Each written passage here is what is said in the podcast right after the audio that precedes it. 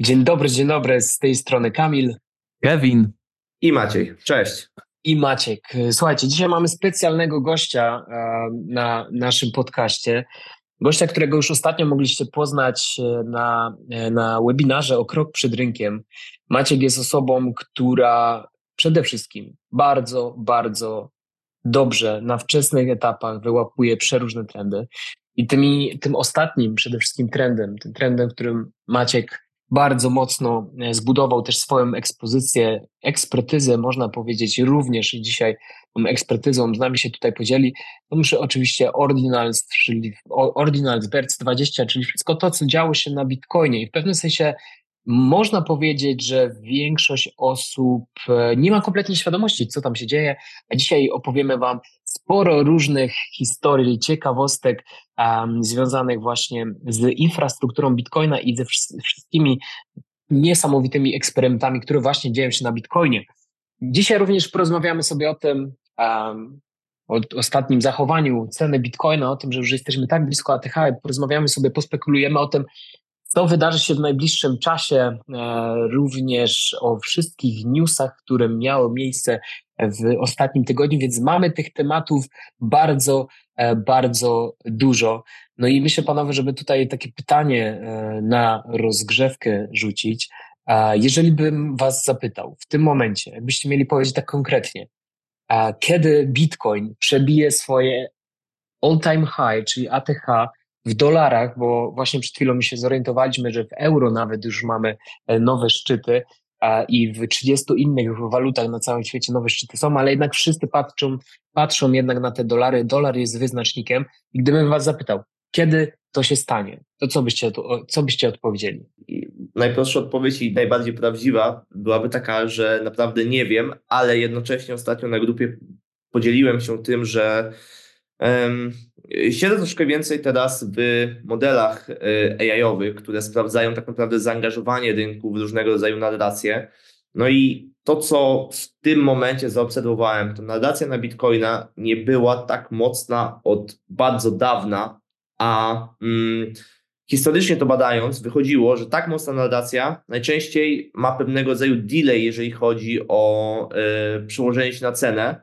Więc w związku z tym potencjalnie, ten delay zwykle wynosi właśnie tak 4-6 dni, to potencjalnie mógłbym powiedzieć, że obecny hype jest tak duży, że nawet jestem skłonny zaryzykować stwierdzenie, że zobaczymy ATH w ciągu najbliższego tygodnia, jeżeli chodzi o dolara.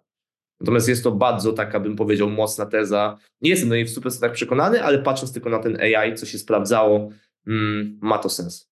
Kevin, co ty myślisz? Jednak te sytuacje historycznie, te sytuacje, w których cena dobijała do e, ostatniego, ostatniego szczytu, jednak charakteryzowały się tym, że była pewna, w pewnym sensie dochodziło do walki.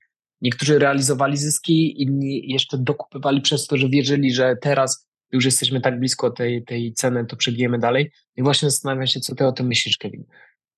No ja też tak, szczerze mówiąc, bardzo mnie zaskoczyły te tak agresywne wzrosty i tak zastanawiałem się, obserwowałem tę cenę i szczerze byłem bardzo ciekaw, czy już przy tym strzale w lutym za, zobaczymy jakiś tam e, retest tego, tego ATH, czy gdzieś tam będziemy atakowali.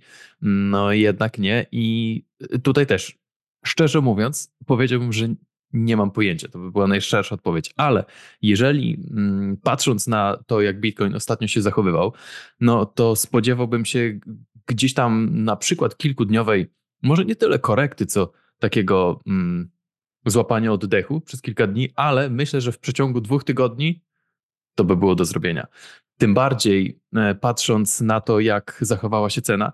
No i nawet przez sam fakt, kiedy atakowaliśmy te 64 tysiące i tam nagle mm, dobiliśmy do lokalnego szczytu i w przeciągu 15 minut, kiedy mm, Bitcoin, no taki można powiedzieć mini flash crash miał miejsce, no i cena zatrzymała się na 50, na cenie 58 tysięcy dolarów, bardzo szybko z powrotem wróciła do 60, nawet ponad 60 tysięcy, no i w ciągu 15 minut mieliśmy wipeout takiego open interest z rynku zostało wyczyszczone 1,4 miliarda dolarów pozycji long.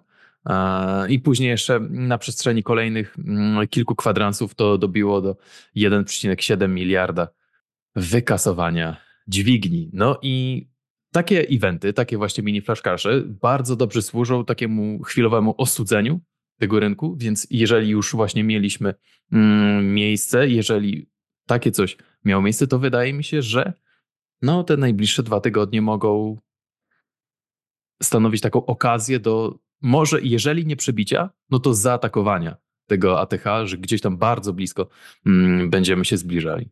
Gdybym Was zapytał, ta moc, która w ostatnim czasie pojawiła się w Bitcoinie, była według Was związana z takim, z takim popytem od strony właśnie instytucji? Było to głównie związane z ETF-ami, czy już w tym momencie według Was ten retail jest już z nami i, i ten retail już e, też kupuje, e, kupuje i, i zaczyna po raz kolejny wskakiwać w ten pociąg, który odjeżdża ze stacji. Jak, jak do tego podchodzicie?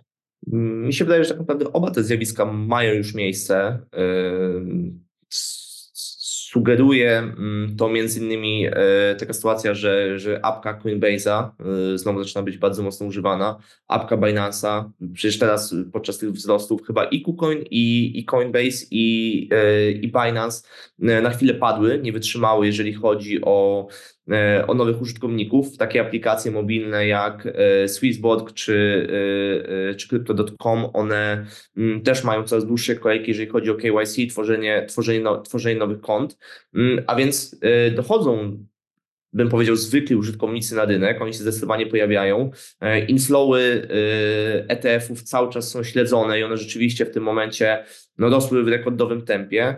No i w tym momencie jeszcze jest też kolejna ciekawa rzecz, czyli tak naprawdę OTC e, deski. E, jeżeli ktoś nie wie, no to jest takie miejsce, gdzie bardzo, najczęściej bardzo duzi gracze są w stanie e, skupić po, po, po danej cenie dane aktywno, dane aktywo, czyli na przykład, na przykład Bitcoina, to one w tym momencie, chyba w środę, czyli mm, my to nagrywamy w piątek, tak w woli ścisłości, w środę zostały wyczyszczone z Bitcoinów, zostało 40 Bitcoinów na wszystkich OTC deskach według Glassnode'a. Także to jest no to jest sytuacja niespotykana. Tak jakby jeszcze coś takiego e, nie mieliśmy od, od, od bardzo dawna. Także potencjalnie wszystkie te rzeczy jednocześnie mm, no, skłaniają się ku temu, żeby myśleć, że jednak na tym rynku będzie dobrze. Oczywiście często to jest złudne.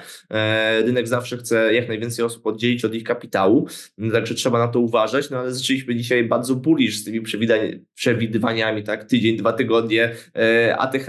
E, także, także nie wiem, czy dzisiaj możemy być jeszcze negatywni podczas tego podcastu.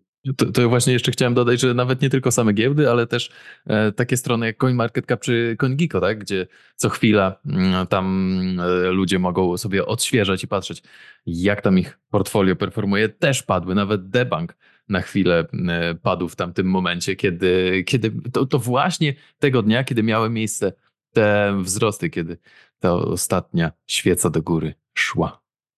Tak, pierwszy taki stres test architektury. Tak jest. No. Teraz no, czekamy na kolejny. Pewnie, pewnie, w tym momencie już e, w Coinbase, dział techniczy Coinbase e, na siłę podłączają nowe, nowe serwery. Um, jakby niesamowite, w ogóle jak sobie tak pomyślimy e, z perspektywy czasu, gdzie byliśmy półtorej roku temu, gdzie jesteśmy w tym momencie, to to jest niesamowite, jak to się szybko zmieniło.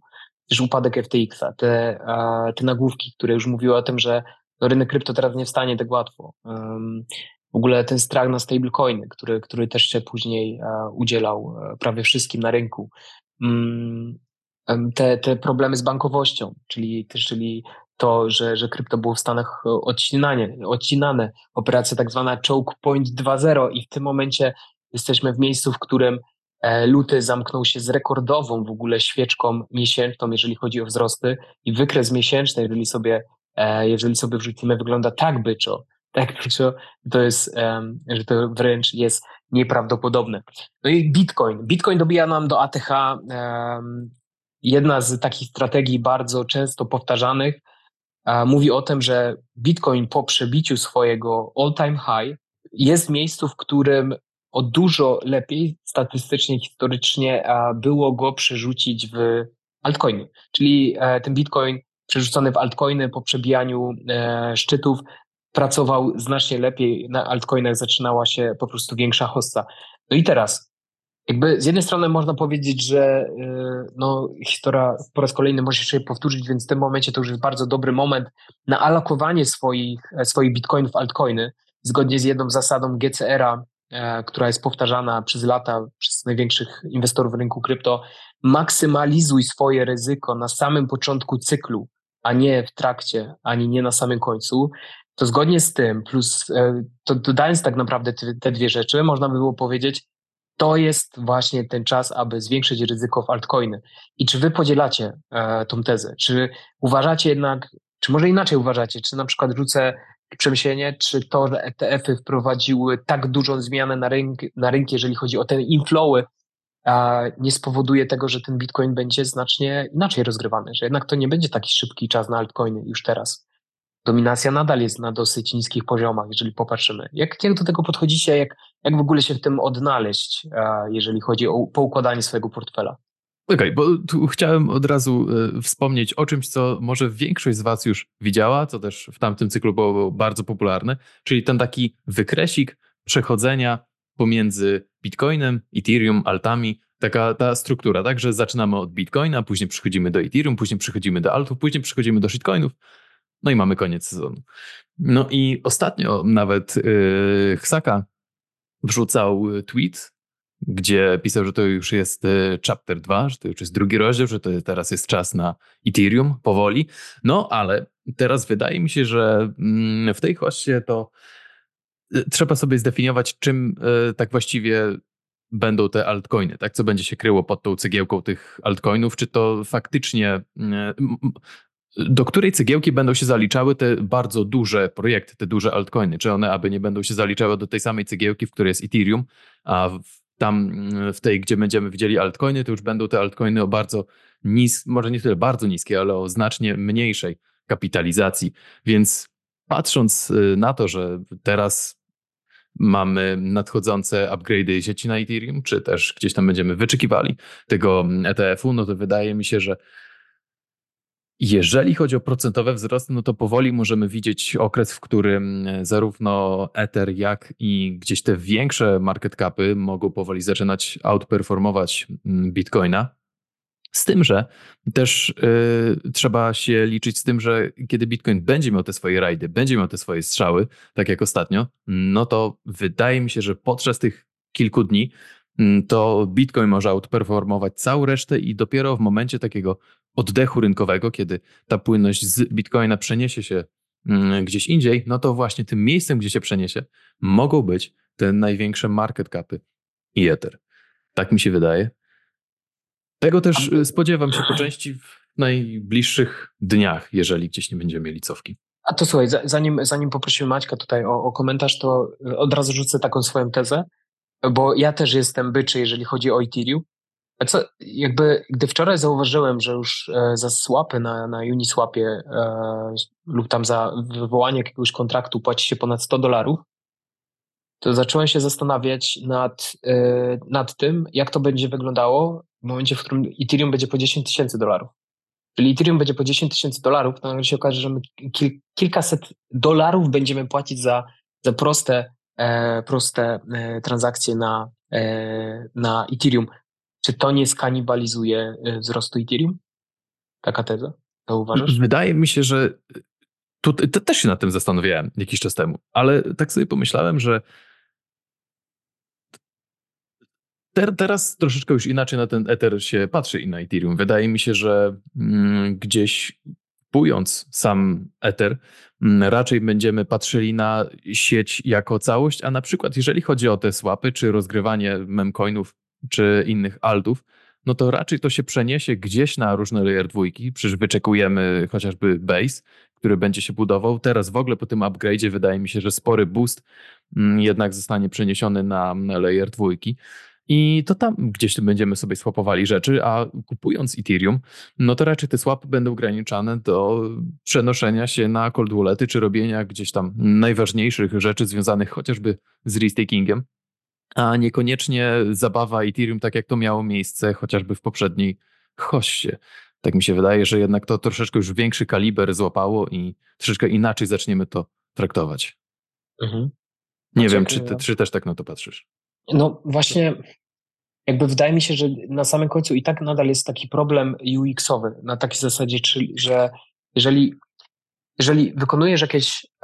Dlaczego wykonywanie transakcji na layer 1 jest, jest takie popularne i ludzie są w stanie płacić po 100 dolarów? Dlatego, że to jest najprostsze i nawet jak sobie popatrzymy na jakieś największe pompy, największe projekty, które bardzo mocno hypują ekosystem Ethereum, to one dosyć często odpalają się bezpośrednio na, na, na layer jedynce, dlatego że ten UX, czyli to, że nie musisz przenosić tych asetów w różne miejsca pomiędzy, pomiędzy layer dwójkami, e, jest po prostu najprostszy. I teraz ja się zastanawiam naprawdę e, nad tym, czy Ethereum nie zjada powoli swojego własnego ogona przez, przez to, jak jest drogie i myślę, że to nas później może doprowadzić do spekulacji na temat tego, co może zyskać na tych ogromnych opłatach, ale zanim do tego przejdziemy, żeby nie stracić wątku, może Maciek właśnie jeszcze jakbyś mógł się odnieść do tego, do tej alokacji tego portfela Bitcoin, altcoin, jesteśmy blisko ATH, czy to już jest ten moment według Ciebie, czy jednak inaczej na to patrzysz? Mhm. E, według mnie to bardzo odpowiadając, tak, to już jest ten moment. E, ja przerzuciłem już e, część swoich bitcoinów e, w kierunku Ethereum. Jednocześnie ja na te cykle, tak jakby na ten wykres, o którym wspomnie, wspomnieliście, czyli coś, co jest już wałkowane od, yy, przynajmniej od poprzedniej, od poprzedniej hossy, patrzę jeszcze w troszeczkę inny sposób. Yy, mianowicie yy, w tym momencie mm, na rynku jest już bardzo, naprawdę bardzo dużo, tak naprawdę dużych projektów. I dla mnie large capy to niekoniecznie są już w tym momencie mm, projekty, mm, na przykład, nie wiem, stop 30 market capu, tylko nawet można spojrzeć na projekty, jak, jakbyście sobie weszli na CoinGecko i przejrzeli sobie trzecią stronę, tak, czyli od 200 do 300 miejsca, to nagle tam odnajdziecie bardzo duże, zaufane projekty, które od bardzo dawna działają, które są e, ustabilizowane, które mają, że tak powiem, na przykład jakąś obsługę prawną i są na przykład zarejestrowane w Stanach Zjednoczonych, e, które zarabiają stabilnie. I dla mnie to są właśnie large capy. Czyli to nie chodzi do końca o wielkość kapitalizacji względem reszty rynku, a zaufanie inwestorów. Czyli tak naprawdę przechodzimy z Bitcoina, który bardzo dużo urósł, w bardziej ryzykowne aktywo, którym na początku najczęściej jest Ether, później jeszcze bardziej ryzykowne, ale to się nawet może rozlać na top 300, y, top 400 y, market capu, a później dopiero, że tak powiem, jakieś shitcoiny i tak dalej, i tak dalej. E, I patrzę na to w ten sposób i zważając na to, jak dużo y, różnego rodzaju asetów, jak duży tak naprawdę wybór w tym momencie mamy i jak ciężko jest wyselekcjonować coś innego, e, to ja uważam, że e, bardzo istotnym jest, aby dobierać już odpowiednie sektory danych coinów. Mm, czyli patrząc już na przykład na top 100 market cap, to, to nie jest po prostu 100 projektów, tylko to jest na przykład 10 projektów, które jest w trendzie AI, 5 projektów, które jest w trendzie DePIN, cztery projekty, które są w gamingu i tak dalej, i tak dalej. I trzeba szukać tych sektorów, które między sobą e, dobrze korelują, to raz, a dwa, które też między sobą mają cykle, bo te cykle już, już widać, przynajmniej e, z mojej perspektywy. E, ja mam portfel ustawiony bardzo mocno pod AI, drugie miejsce to jest Depin, trzecie to jest e, gaming, e, i, i, i, w sumie, I w sumie tak naprawdę tyle, kilka jakichś tam e, projektów mniej związanych z daną, z daną narracją. E, I mogłem zaobserwować to, że tak naprawdę mieliśmy takie przejścia, że w momencie, w którym Bitcoin rósł, mm, później czasami e, Ether go doganiał albo rosł sobie jednocześnie i później na przykład na początku szły coiny AI, kiedy one miały ochłodzenie, szły coiny depinowe. Kiedy coiny depinowe miały ochłodzenie, zaczynały iść coiny e, gamingowe. Po gamingu następowały najczęściej memy i troszeczkę teraz też tu już obserwujemy na rynku, e, czyli memy na bardzo dużych wzrostach i po, e, po memcoinach mamy schłodzenie delikatne całego rynku i zaczynamy to od nowa. Czyli mamy rzeczywiście te duże kółka, wśród tych dużych kółek mamy, bym powiedział, jakieś mniejsze cykle, które się zamykają i to w nich trzeba się poruszać. Jednocześnie, to co jeszcze bym chciał tutaj dodać, to że uważam, że powoli kończy się też ten taki okres yy, takiej bardzo mocnej rotacji, gdzie będzie wchodziło po prostu, gdzie będzie wchodził retail na rynek i retail będzie kupował po prostu modne coiny i wydaje mi się, że w takim okresie dużo lepiej się wychodzi na po prostu trzymaniu swoich pozycji, trzymaniu pozycji, które się zbudowało przez poprzednie 6, 12, 24 miesiące, um, aniżeli przeskakiwało cały czas w nowe nadacje yy, i w nowe coiny, bo po prostu będzie tam więcej loterii, jeżeli chodzi o to dotowanie kapitałem. Także był czas na mocne szukanie, teraz możliwe, że jest czas na wytrzymanie wzrostów. Ja pamiętam, jak rozmawialiśmy z kilk, dobrych kilka miesięcy temu i ty mi właśnie opowiadałeś o swojej strategii układania portfela i wtedy wspominałeś o tym, że tak mocno się pozycjonujesz pod AI i pamiętam, że jeszcze wtedy, e, gdy, gdy rozmawialiśmy o procentowym rozkładzie twojego portfela, to, to ta pozycja AI była stosunkowo niska, można powiedzieć, w samym portfelu, a już wtedy się ustawiałeś.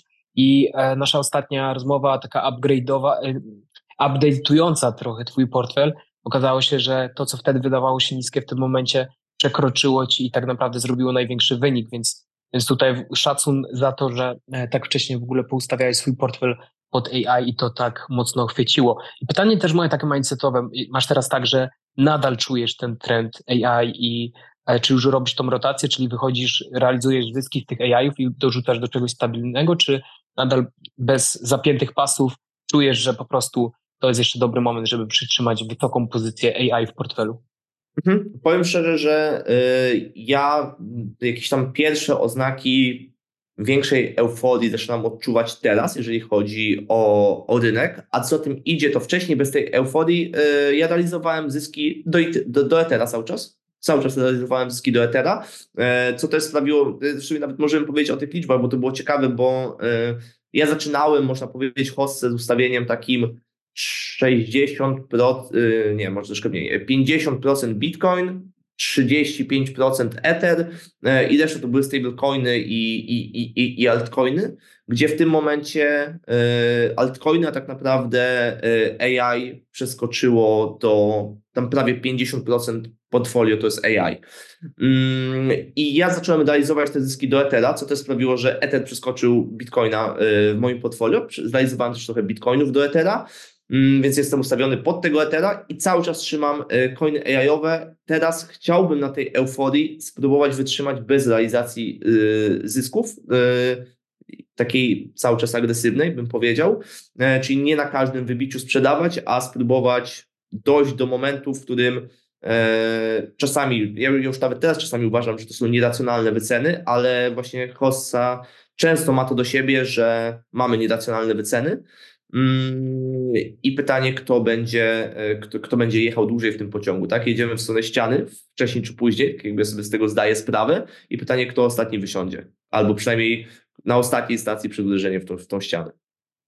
Tak, ten timing na rynku krypto jest, jest wszystkim tak naprawdę. Um, zastanawiam się, Kevin, czy, czy ty też e, układasz swój portfel tak e, sektorami, czyli e, też dbasz o to, żeby każdy sektor, ten, który jest w hype, miał, znalazł, twoje, znalazł swoje miejsce w twoim, twoim portfelu, czy, czy jakoś inaczej do tego podchodzisz? Y, w pewnym sensie, tak? W pewnym sensie starałem się układać w ten sposób portfel. To też mm, kiedy ogólnie podczas Bessy, też kiedy starałem się po części trochę altów mm, skupować po, po tych najniższych cenach, to też starałem się celować, żeby to nie był jakiś jeden sektor, tylko mniej więcej skupować najciekawsze coiny z konkretnych sektorów, na które chciałem y, mieć ekspozycję. No i teraz się tego trzymam, a jeżeli chodzi o takie sektory, na które albo miałem małą ekspozycję procentową, mm, albo na które w ogóle nie miałem ekspozycji, no to y, raczej gdzieś starałem się podłączać pod trend i gdzieś starać się jechać na, na fali tych emocji. Więc ym, raczej w ten sposób ym, u mnie to wyglądało. No i jeżeli chodzi o te tak jakby korowe pozycje, tak jak Maciek teraz powiedział, no to jednak staram się siedzieć w tym pociągu i po prostu trzymać się, starać się outperformować poprzez y, trzymanie, a nie gdzieś aktywne zarządzanie tymi korowymi, korowymi pozycjami. No bo zawsze gdzieś tam z, z tyłu głowy jest taka myśl, że no przecież tutaj na tym e, wystrzale, na tym wydarzeniu mogłem sprzedać i tutaj bym zwiększył sobie, załóżmy, pozycję o te 10, 20, 30%, tak? Miałbym, miałbym większą, ale ciężko jest powiedzieć, czy załóżmy dane zbliżające się wydarzenie nie będzie tak, że zaraz cena bardzo szybko zanurkuje, nie zdążymy wskoczyć i zaraz nam ucieknie i zostaniemy bez pozycji albo z jeszcze mniejszym procentem, e, aniżeli gdybyśmy po prostu czekali. Mam do Was e, ciekawe pytanie. E, jestem ciekaw właśnie, jak, jak, jak odpowiecie. Czy, czy są jakieś projekty, które nie są jeszcze w tym momencie w top 100, ale tak macie takie silne przekonanie, że powinny być top 100 przez swoje, nie wiem, community, swoją technologię, przez to coś, przez to coś co robią um, dosyć wyjątkowego. Jakakolwiek, jakiekolwiek tego typu pozycje Wam przychodzą e, do głowy? To jest tak całkowicie spontaniczne pytanie, zastanawiam się. A wpadłem na to pytanie, dlatego że e, kilka dni temu mieliśmy dosyć symboliczne wydarzenie, dla mnie bardzo, bardzo też istotne, ważne, bo pokazuje, jak rynek krypto jest zmienny. W 2017 roku, pod koniec 2017 roku e, miało miejsce największe ICO w historii, czyli EOS. EOS, który zebrał 4 miliardy dolarów. Zebrało go w Bitcoinie, w Etherze. E, Block, Lab, e, One, czyli firma, która stała za wypuszczeniem EOSa, zebrała wtedy ogromne ilości kasy właśnie w Bitcoinie. Do teraz te Bitcoiny trzymają, Bitcoiny, które wzrosły jeszcze na wartości, więc te 4 miliardy w tym momencie to jest znacznie większa kasa. EOS miał być e, Ethereum Killer, EOS miał całkowicie zmienić zasady rynkowe, a EOS dwa dni temu wypadł z top 100. I um, to, jest, to jest historia, która bardzo dużo uczy, bo community było przeogromne, mocne, była ogromna ilość kasy, no ale jednak coś nie wyszło i to też pokazuje, że czasami zakochanie się w jakimś projekcie też, też nie, nie, służy, e, nie służy bardzo mocno. O, o, o EOSie było najgłośniej, gdy dobiło do swojego szczytu, czyli do 20 dolarów. Więc z tym, tą taką historią, która dla mnie też jest bardzo, bardzo ważna, bo też miałem chwilową fascynację EOS-em.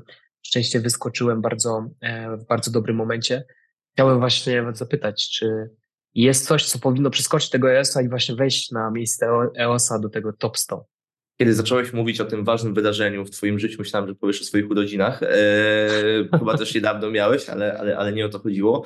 Eee, ja powiem szczerze, jeżeli chodzi o e, takie e, istniejące projekty na rynku, to nie mam czegoś takiego. Nie mam w tym momencie e, żadnego takiego projektu, przypuśćmy z tego top, top, top 200, top 300, który na pewno musiałby być e, w top 100, no to już zdaję sobie sprawę też z tego, że tutaj cały rynek będzie rósł i E, niekoniecznie on musi aż, aż tak bardzo outperformować e, swoich przeciwników. Natomiast jest jeden projekt, e, pewnie już Kamil się domyślasz, co powiem, jest jeden projekt, który jeszcze nie wyszedł, który ja uważam, że będzie nie tylko w top 100, ale ja uważam, że on będzie w top 10 i to jest Eigenlayer. Możliwe, że się bardzo mocno mylę, ale uważam, że to jest projekt na, na top 10 market capu ze względu na to, co wprowadza i jak wiele tam jeszcze rzeczy możliwe, że nie wiemy odnośnie tego, co, co tam się będzie działo.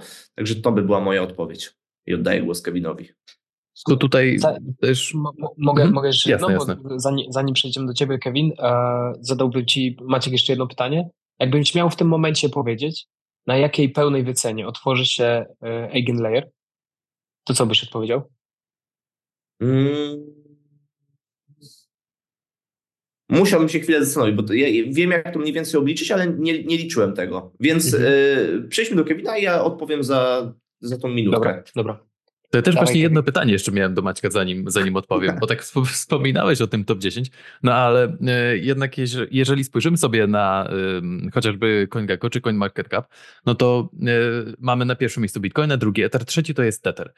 Później dopiero mamy BNB i Solana. No i takie pytanie, czy uważasz, że Eigenlayer gdzieś ma potencjał, żeby być w top 4, czyli zająć miejsce BNB, albo czy nawet ma miejsce na top 3, żeby przeskoczyć Tether? Tu nie mówię na start, tylko tak na, patrząc mm, na przestrzeni całej, całej hossy. Czy gdzieś myślisz, że coś takiego miałby może miejsce? Wydaje mi się, że raczej nie. E, raczej jeżeli chodzi o Eigenlayer, to tutaj celowałbym wyprzedzenie Dogecoina i Cardano. Tak, to znaczy tutaj te miejsca, e, czyli, czyli w tym momencie można powiedzieć top, top, top 9, top, top 9, albo właśnie to top 10. E, raczej w tym momencie pozycja tych pierwszych no, czterech coinów i nawet tej Solany uważam, że nie jest zagrożona mm, i że to będą coiny, które nadal będą, że tak powiem, w ty, na, tych, na tych najwyższych waluacjach widniały. Czyli uważasz, że Cardano nie zasługuje na ósme miejsce? Dobrze, Cardano nie zasługuje na top 100, ale możliwe, że się naraziłem wielu osobom. No to jeżeli chodzi o mnie, to też niekoniecznie mam taki protokół, który pierwszy by mi przychodził do głowy i bym powiedział, że faktycznie zasługuje już na miejsce w top 100, um, ale myślę, że mm, patrząc na to, jak ten projekt się rozwija na przestrzeni ostatnich miesięcy i tygodni, no to myślę, że całkiem prawdopodobne, że mm, już niedługo możemy gdzieś go w top 100 zobaczyć, a mówię tutaj o starym Ribbon, teraz to już jest y, Aevo, który obecnie jest gdzie, to jest w pierwszej dwusetce protokołów. Robi bardzo duże wolumeny. Też e, tak jak nieraz w weekly piszemy, jeżeli chodzi o wprowadzenie mm, tak jakby płynnego tradingu tokenów, których jeszcze nie ma, które dopiero będą się pojawiały, a też są bardzo celnie jednak ten pre-market wycenia te tokeny, mm, no to myślę, że AEVO może się w top 100 pojawić. Um, tylko tutaj też jest e, pytanie właśnie a propos rozwoju, no bo teraz zbliżamy się do um, przejścia, tak jakby merge'a protokołu e, Ribbon i Aevo, bo Aevo zostało stworzone przez Ribbon, teraz będziemy mieli jeszcze konwersję tokenu, mm, zbliża się farming e, Aevo, tak jakby farming projektu Evo już trwa, więc stąd też po części mm, te bardzo duże wolumeny. No i pytanie, co, jak ten projekt będzie się zachowywał, kiedy już skończy się transfer tego tokenu, kiedy już wpadnie airdrop Evo, no i czy nadal te wolumeny tam zostaną? Jeżeli tak, no to myślę, że to ma, szans, ma szansę na top 100. No ale to raczej, raczej jest kwestia obserwowania, co będzie po takim, no jednak sporym wydarzeniu dla, dla projektu. Taki merge zawsze jest sporym wydarzeniem. Ja powiem wam szczerze, gdy ostatnio przyglądałem się temu, co mamy w top 100 i tak zastanawiałem się nad tym, gdzie w tym momencie jesteśmy na rynku, czego brakuje, to doszedłem do dosyć, mm, dosyć przedziwnej odpowiedzi do takiego rozwiązania, że tak naprawdę to, czego nam brakuje na tym rynku, to aplikacji, z której faktycznie ktoś by korzystał. E, na takiej zasadzie, że zwróćcie uwagę, że w top 100 to my mamy layer dwójki, e, mamy layer dwójki, na których aktywność jest do momentu airdropa, a później spada o 90%, Darknet, e, czytaj, Mamy różne infrastruktury, które pomagają budować albo które pomagają skalować, ale na samym końcu my nie mamy aplikacji, my nie mamy tego, aby, aby ktoś faktycznie e, jakoś mainstreamowo zaczął, e, zaczął klikać.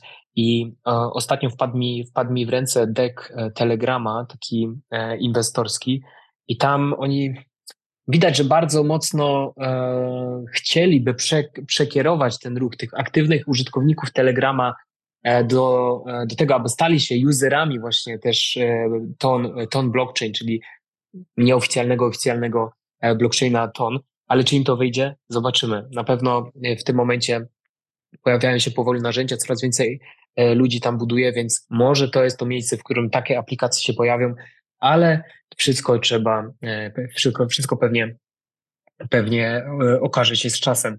Um, rozmawiając też o top 100, no to warto sobie, warto tutaj też powiedzieć, że w ostatnich tygodniach w top 100 bardzo dobrze radziły sobie memcoiny. Memcoiny, czyli e, nisko wyceniane jednostkowo kryptowaluty, za którymi po prostu naprawdę nie ma żadnej wartości, jest wartość spekulacyjna.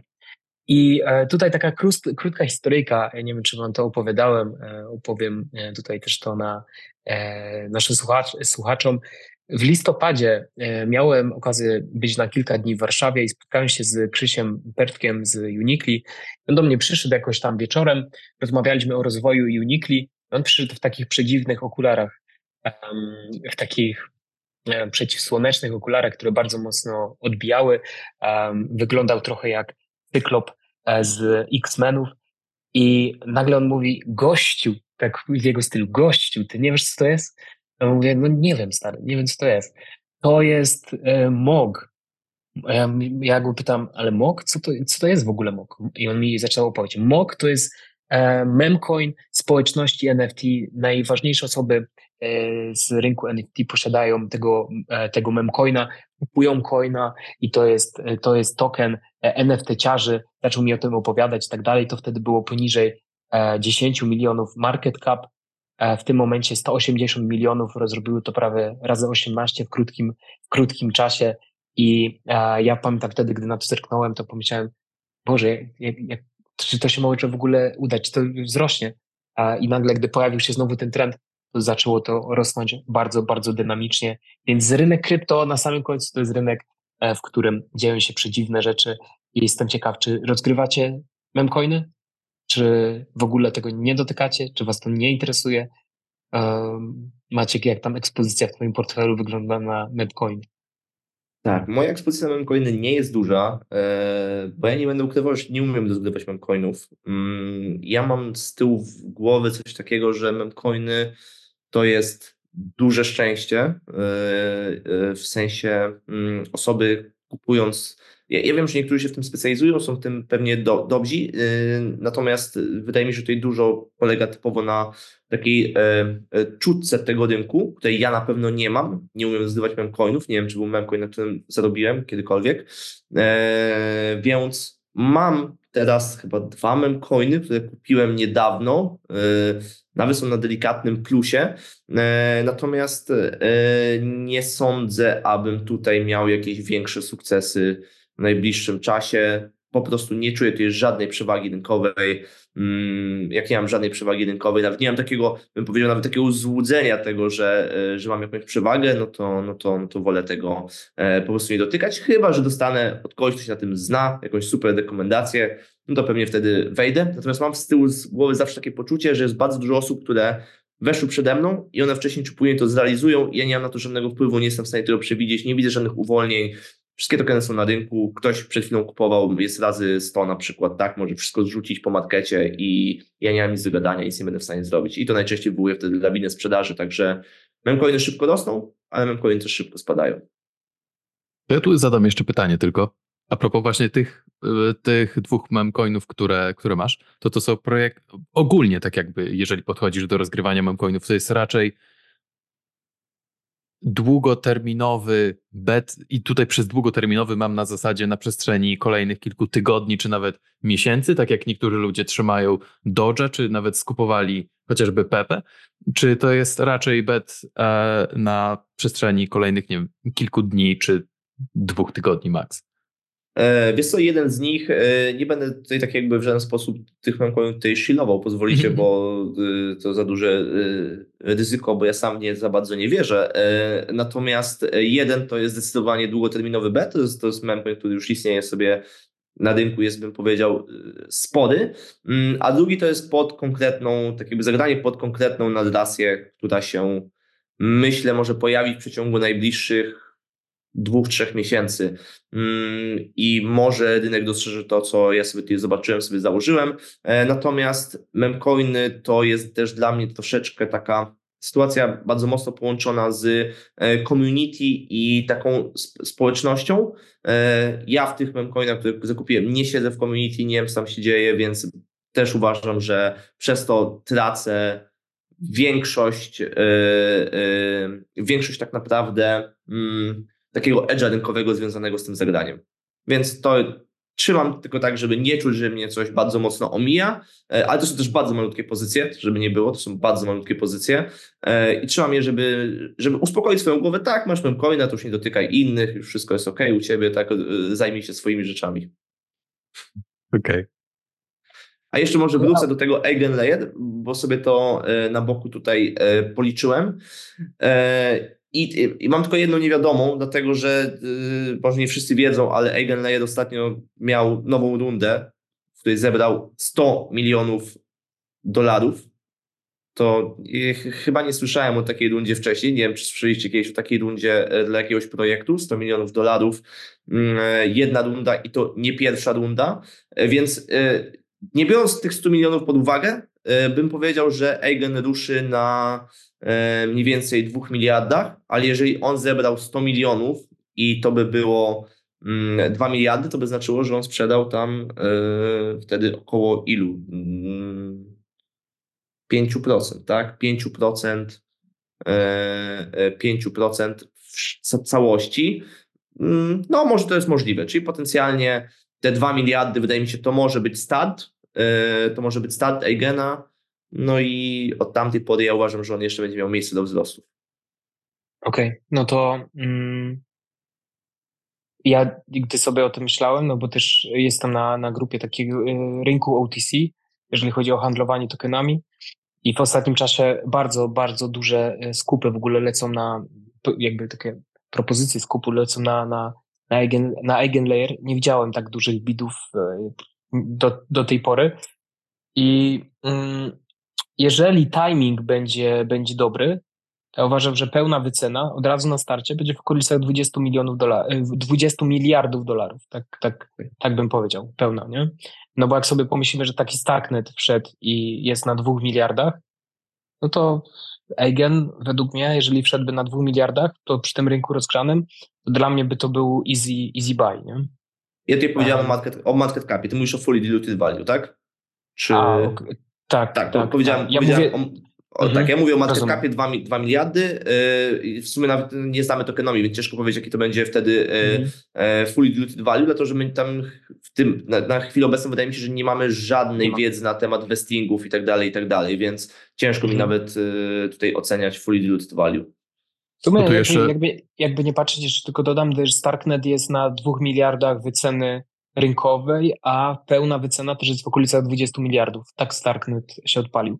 Jak tak sobie myślę o tym uh, i mam porównać Starknet do Eigenlayer takiego potencjału, no to um, Eigenlayer od razu jakby w moim, moim rankingu jest, jest wyżej, nie?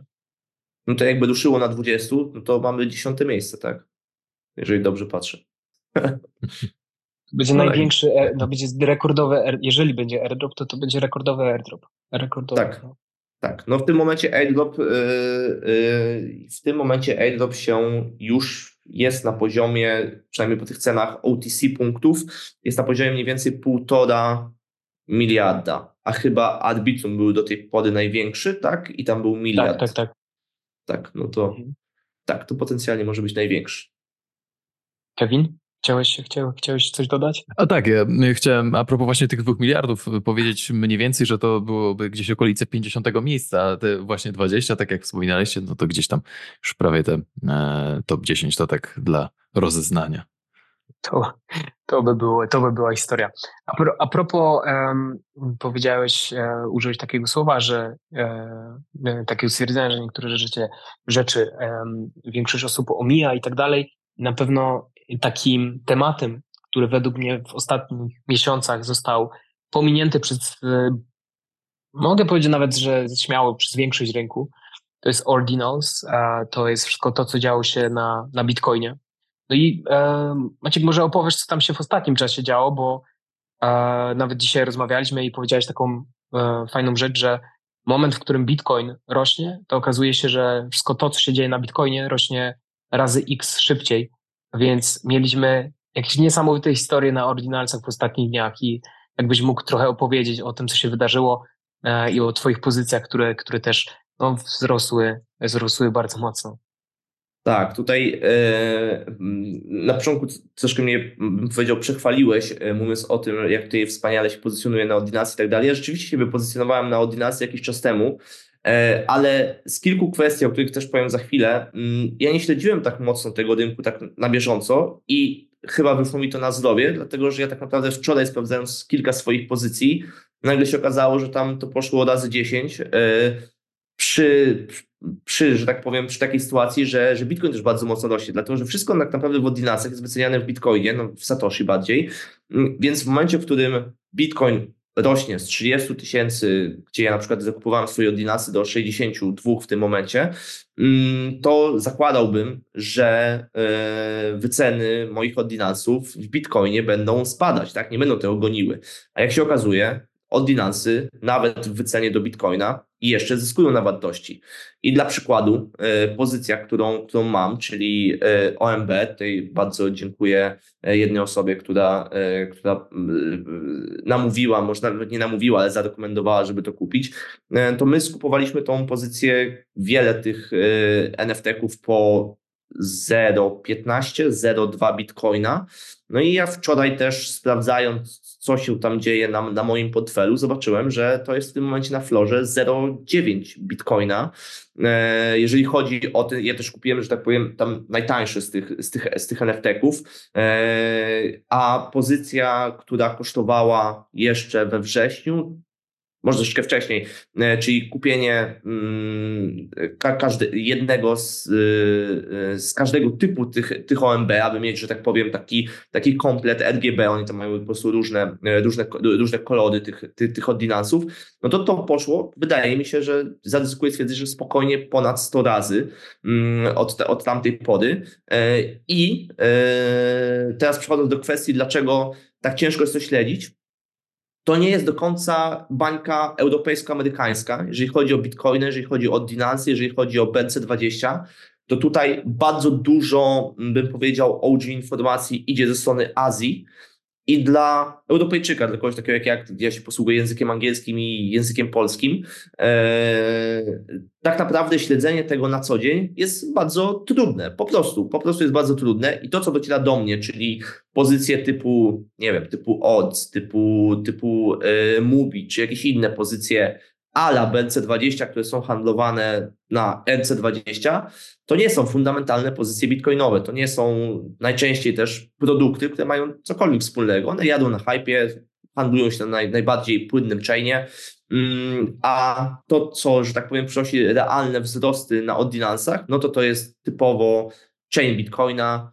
bardzo, nie powiem zamknięty community, tam, tam, da się, tam da się wejść, ale bardzo aktywne community, w którym trzeba siedzieć bardzo głęboko. To nie są informacje, które bardzo łatwo złapać, złapać na tacy. Dlatego nawet ja, który mam pozycje w ordynacjach i w tym momencie to już nie są małe pozycje nawet e, i gdzieś tam mam e, też ustawiony fit pod ordynansy, mnie omijają informacje o tym, że tam, nie wiem, w ostatnich dwóch dniach mieliśmy wzrost trzykrotny y, na Bitcoin Machines. To są też takie, mm, e, takie, takie, takie NFT-ki, e, bardzo wczesne. Mm, I to też mnie ominęło, gdzie mam kilka, kilka tych maszyn.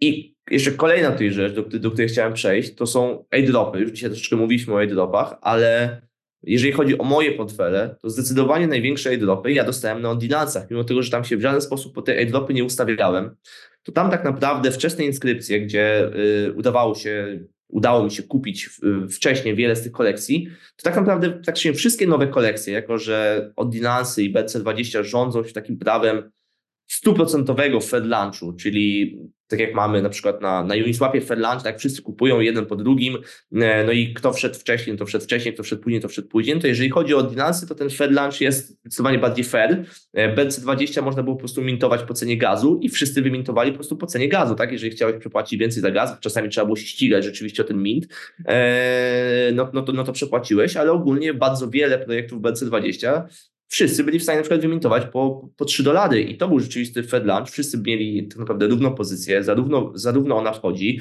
zarówno kwotę ona wchodzi mm, i wtedy też y, dość szybko ustalać taki float tej pozycji. Ona po prostu może rosnąć do góry. Nie ma tej osoby, która od razu będzie chciała bardzo szybko y, na nas tą pozycję spuścić. Może też dlatego obserwowaliśmy tam tak dynamiczne wzrosty. No i właśnie w związku też z, z tym Fed lunchem i tym Fed podejściem do dystrybucji, do jak, naj, jak najbardziej Fed dystrybucji, e, na mój wallet, gdzie ja tam mam wczesne inskrypcje, no można powiedzieć, co 2-3 dni wpadają jakieś ordynansy, które się a to wiążą, e, czy to z jakąś tam grą MMORPG, którą tworzą Bitcoin maszyny, e, czy jeszcze z innymi, z, z, innymi elementami. No i one oczywiście najczęściej nie mają jakiejś wartości po 3000 e, dolarów i tak dalej, ale jeżeli dziennie dostaję, przypuśćmy, 10 nowych ordynansów, każdy z nich jest warty po 50 dolarów, mm, no to już to zaczyna mieć jakąś, że tak powiem, e, jakąś wartość, zwłaszcza, że ja się pod te dropy w żaden sposób nie ustawiałem. Ciekawe, bo mm, można w pewnym sensie, gdy to obserwowało się z boku, ja trochę byłem z boku, jakby czytałem oczywiście o tym rozwoju i tak dalej, ale nie zajmowałem zbytnio pozycji, gdy to obserwuje się z boku, można mieć tako, takie wrażenie, jak opowiadasz, że się zrobiło razy 100, jakieś tam wzrosty bardzo szybkie, że jest już może trochę za późno na to. Jest, jest za późno, żeby się w to angażować. Jeżeli teraz by do ciebie przyszła taka nowa osoba i mówi, Maciek, powiedz mi, czy warto jeszcze w to wejść? To co byś odpowiedział? Czy warto się tym zainteresować? Odpowiedziałbym, że zdecydowanie tak. Tak jakby zdecydowanie warto się zainteresować e, całym tym rynkiem i całym tym sektorem ordinansów. Jednocześnie, to co powiedziałem wcześniej, czyli brak takiego typowego edge'a, nawet z mojej strony, gdzie byłem tam bardzo wcześnie i też bym powiedział, tam, tam jest też bym powiedział kilka takich mm, barier y, technicznych. One nie są już w tym momencie bardzo duże. Jeszcze tam pół, pół roku temu czy, czy 9 miesięcy temu one były znacznie większe. E, kwestie techniczne związane właśnie z wejściem w ten świat. One już w tym momencie wcale nie są takie trudne i zmiana nawet z Metamaska na Unisat czy na XVEC Wallet to już, to, to już nie jest taka, taka potężna zmiana. Mm, więc są, są też tego rodzaju bariery, e, ale przede wszystkim chodzi o to, że ciężko, yy, ciężko tam się yy, wbić pod względem dostępu do informacji, pod względem dostępu do, do community i tak dalej. Czyli tam tak naprawdę, yy, no bym powiedział, nawet ja nie, nie czuję żadnej przewagi, więc tym bardziej nowa osoba takiej przewagi może nie czuć. Natomiast jest, y, jak, jak, pyta, jak o to pytasz, to jest jedno zagranie, które ja uważam, że ono w tym momencie jest łatwe do tak naprawdę do zrealizowania dla prawie każdego y, i widzę w nim też bardzo duży potencjał. Ja już wydaje mi się, że albo tutaj, albo kiedyś um, u Ciebie na kursie wspominałem o runach. E, runy to jest nowy meta protokół mm, fungible tokenów na Bitcoinie który tak naprawdę zastąpi BC20 i jest tworzony przez e, twórcę protokołu ordinansów, tak? Czyli tak naprawdę Casey, który stworzył, który stworzył ordinansy, koncept ordinansów, e, w tym momencie też zaproponował koncept pod fungible tokeny na Bitcoinie, który nazwał runami. E, I one ruszają wraz z blokiem halvingowym, czyli za mniej więcej 50 kilka dni.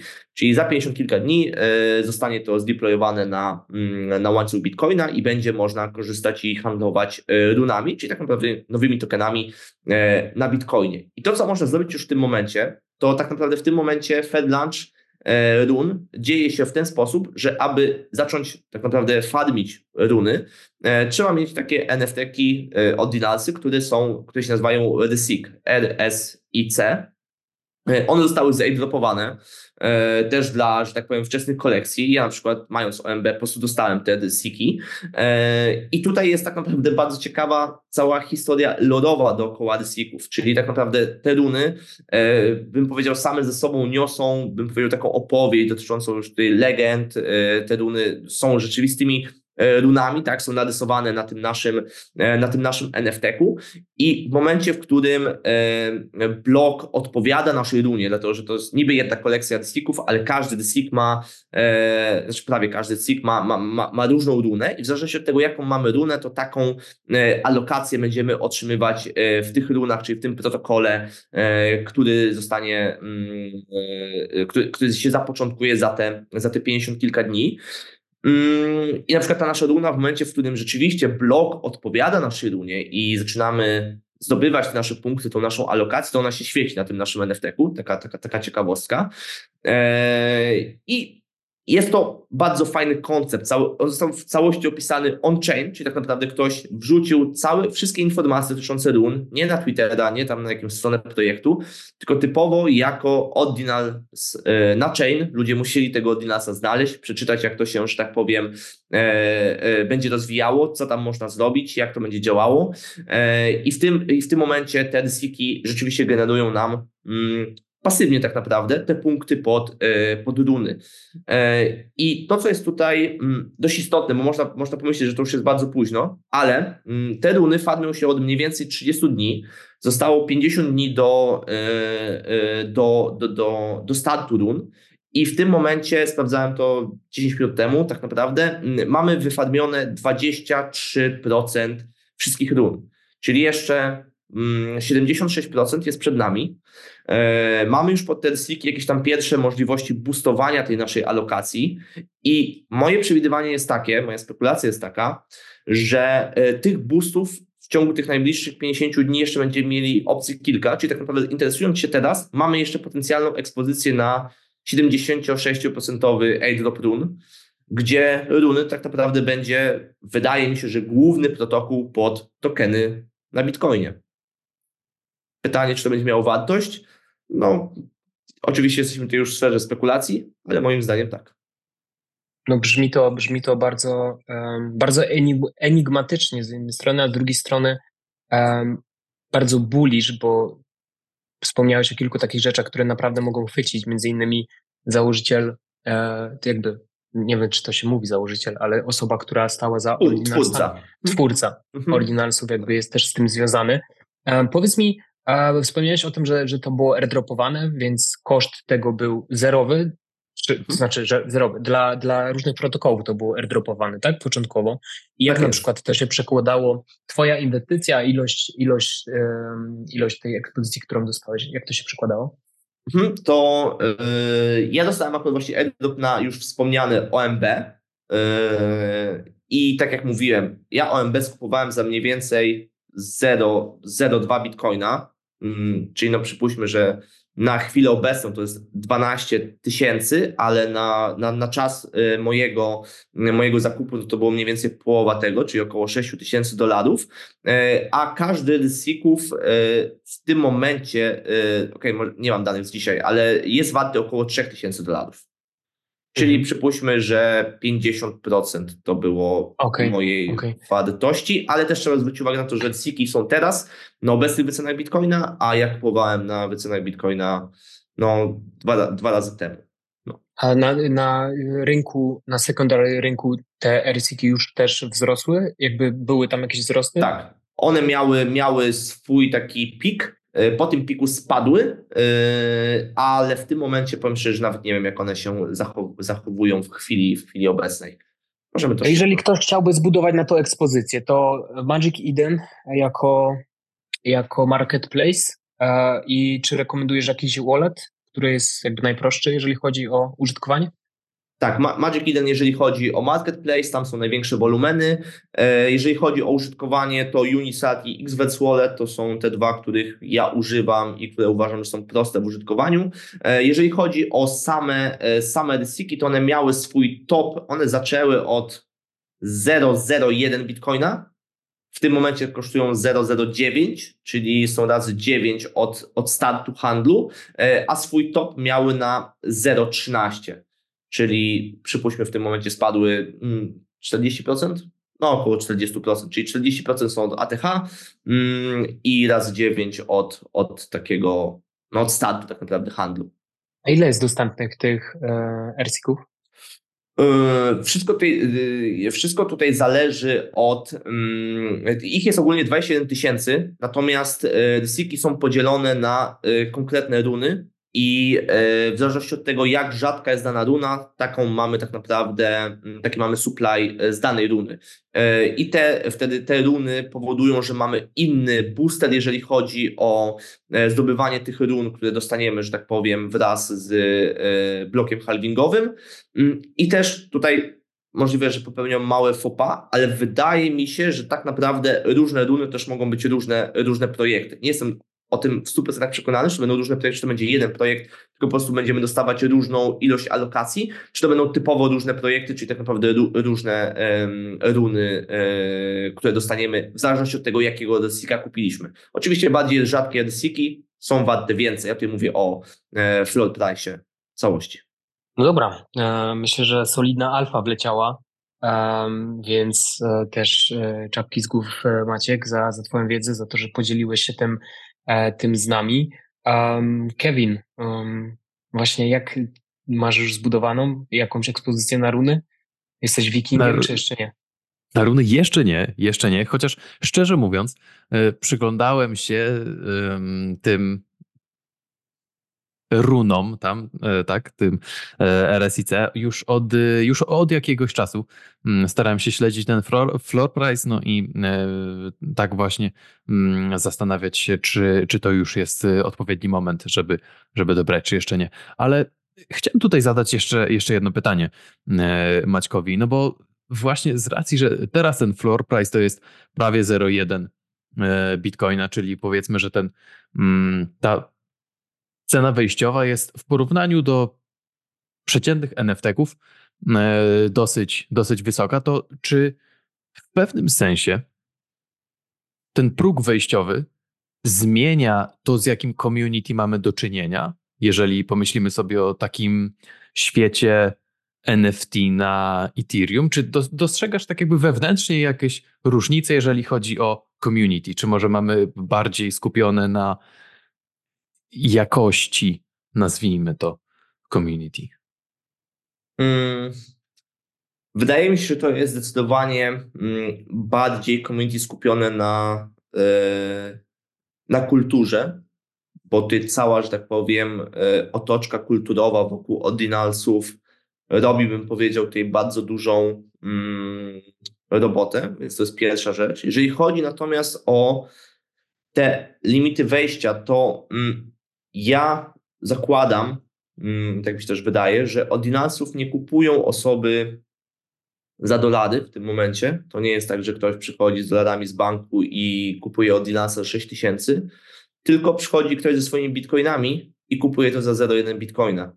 Czyli tak naprawdę mm, gra się tutaj w 100% y, rozchodzi o, y, o granie do bitcoina. Gramy do bitcoina i gramy o to, czy nasze ordynansy zyskają względem bitcoina, czy zdobędą większy, bym powiedział, Mm, market share, jeżeli chodzi o sam łańcuch Bitcoina. Czyli czy na Bitcoinie więcej będzie warte Satoshi, czy w pewnym momencie w jakiś sposób też y, Satoshi z zapisem, czyli, czyli Dinas albo, y, albo runy, albo, albo jeszcze coś innego.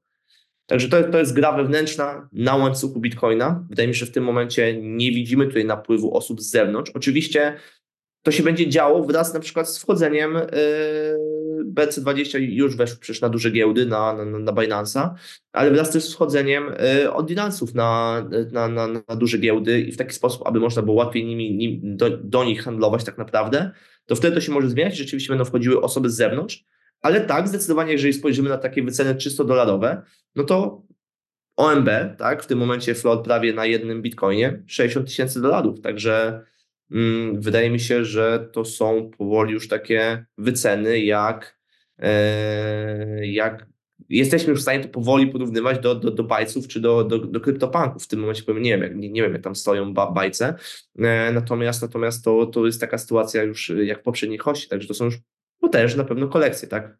Słuchajcie, mój, mój głos jeszcze jest e, stosunkowo słaby po powrocie z Tajlandii, więc um, muszę co jakiś czas um, zresetować go. Właśnie w tym momencie to zrobiłem. A, słuchajcie, myślę, że już e, rozmawiamy prawie, myślę, prawie godzinę albo już godzinę nawet, więc, więc powoli ten czas e, nam się kończy.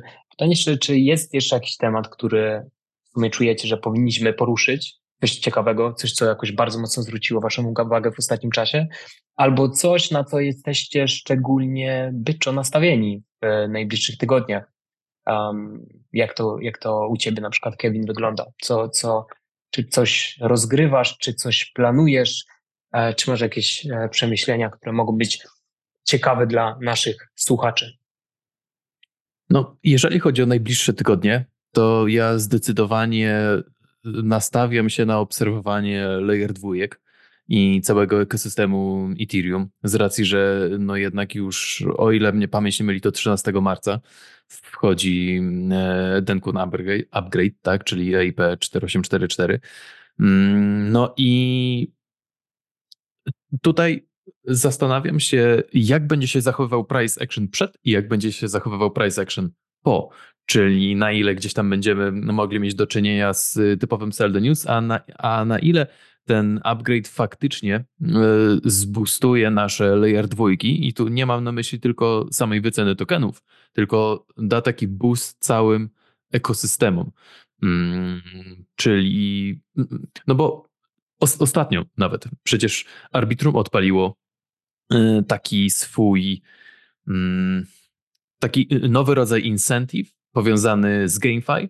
E, teraz też jak tutaj rozmawiamy, to wpadła mi informacja, że Arbitrum nawiązało współpracę z Robinhoodem, żeby zwiększyć swoją dostępność. Ostatnio też Mawia przecież ogłasza, że gdzieś tam będzie się przenosiła na base, więc gdzieś powoli te kroki mm, w stronę rozwoju tych layer dwójek cały czas są podejmowane, więc e, zdecydowanie moja uwaga będzie szła w tamtą stronę. Mm, ale z racji, że ekspozycję na, na cały Ethereum, ekosystem i Layer 2 mam zbudowaną, to jeżeli chodzi o rozgrywanie, to raczej będę się skupiał na e, łapaniu poszczególnych mm, tokenów związanych z tym, co będzie się e, pojawiało, tak jak ostatnio e, chociażby Solana outperformowała Ethereum, bo zrobiła w przeciągu tygodnia tam ponad 30%, o ile dobrze pamiętam, no a Solana z kolei outperformował ponownie Neon, bo to już nie jest pierwszy raz, kiedy Neon outperformował Solanę, tylko znowu się, się przebudził i zrobił ponad 50% praktycznie w dwa dni, więc raczej na takich zagraniach e, będę się skupiał, jeżeli gdzieś tam chodzi o te aktywne rozgrywanie. No i większość uwagi, tak jak wspomniałem, poświęcona na jednak ten upgrade, upgrade sieci Ethereum. A wy panowie? To jeżeli, jeżeli chodzi o mnie, to ja bym to jeszcze dodał e, jedną rzecz, do, nawet kilka rzeczy do, do, do, do, całej narracji wokół Ethereum. Pierwsza z nich to to, że jeżeli się nie mylę, to 23 marca będziemy, musimy mieć final e, decyzję, jeżeli chodzi o ETF-a na Ethereum od Van Eka i wydaje mi się, że to już nie może zostać mm, przesunięte na, na dalszy termin. Jeżeli się mylę, to mi, to, mi, to mi powiedzcie teraz, ale wydaje mi się, że to jest ta data, czyli 23 marca. E, będę chciał to obserwować. Wydaje mi się, że to w tym momencie nie jest jeszcze tak bardzo zauważone. Jednocześnie sam ET, ETH ETF, czyli, że tak powiem, taka narracja na ETF-a na, na Ethereum, on miał swój pik w momencie, w którym e, tak naprawdę zaczęły się handlować ETF-y na Bitcoinie, co jest zrozumiałe, bo ludzie zaczęli to porównywać. Natomiast od ostatnich 20 dni mamy miarowy wzrost wspominek na ten temat e, na wszystkich social mediach. Także zaczyna się o tym mówić coraz więcej, więc też będę chciał obserwować mm, rozwój w, w tym temacie. Dlatego, że to tutaj powtórzę chyba y, Twoją tak naprawdę tezę, Kamil, która do mnie bardzo fajnie przemawia, czyli że ETF jest, y, przepraszam, ETH jest bardzo fajnie policzalny, i jego można łatwo sprzedać w Excelu e, realnym inwestorom, bo to jest chain, który po prostu na siebie zarabia, e, który w tym momencie jeszcze ma coraz więcej zablokowanej tej wartości, na przykład w oparciu o, e, o działający Eigenlayer, który tak naprawdę wypłaca dywidendę, także nawet powstający jakiś na przykład, nie wiem, ETF na Ethereum z dywidendą, no to, to, jest, to jest coś, co nawet moim zdaniem jest większe niż spotowy ETF na Bitcoina, to znaczy nie jest możliwe w takim krótkim terminie, e, ale gdzieś tam, że tak powiem, w dłuższym terminie, więc to jest pierwsza rzecz, którą na pewno e, chcę obserwować. E, druga rzecz to mm, też leje dwójki. Jeżeli chodzi o leje dwójki, to ja też widzę wzmożoną aktywność dotyczącą Base'a. Z wielu różnych miejsc docierają do mnie różne informacje, między innymi takie, że z aplikacji Coinbase można bezpośrednio handlować sobie na sieci Base mm, poprzez tam jakąś zakładkę Web3. Web, Web3.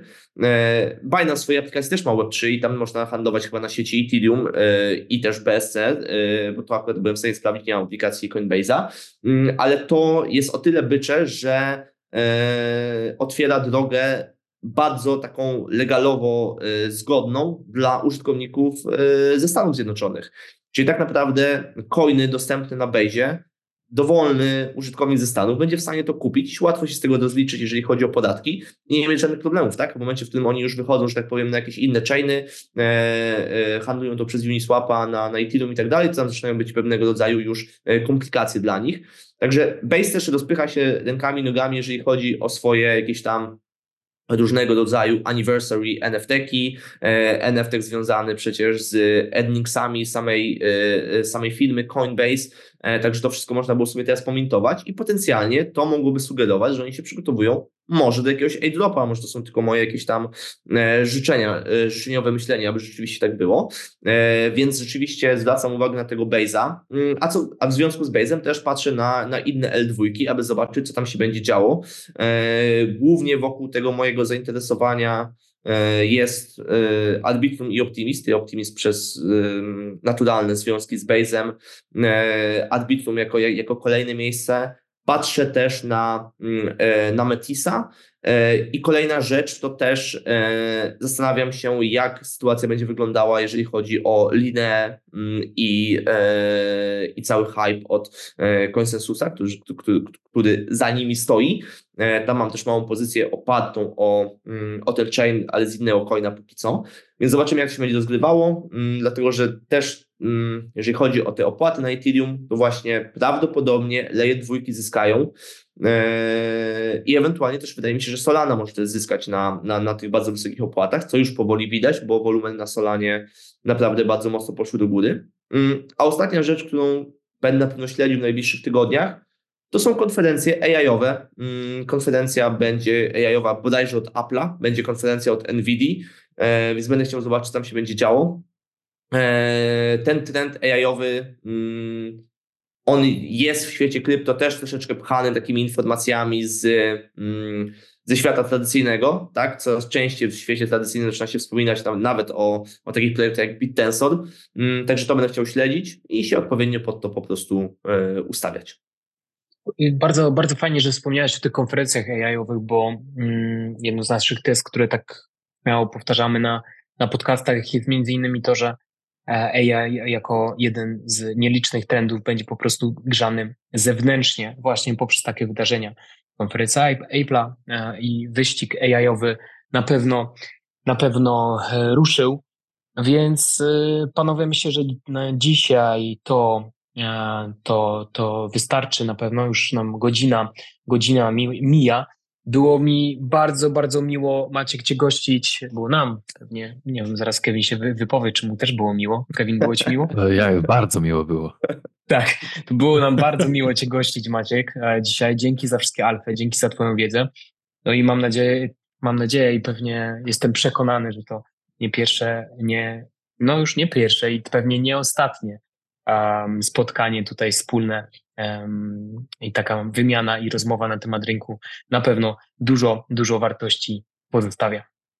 Dzięki wielkie, też było mi bardzo miło. Mógłbyś powiedzieć, Kevin, że nie było ci miło, byśmy się rozłączyli, tak niezręcznie by zostało wtedy, ludzie by się pośmiali.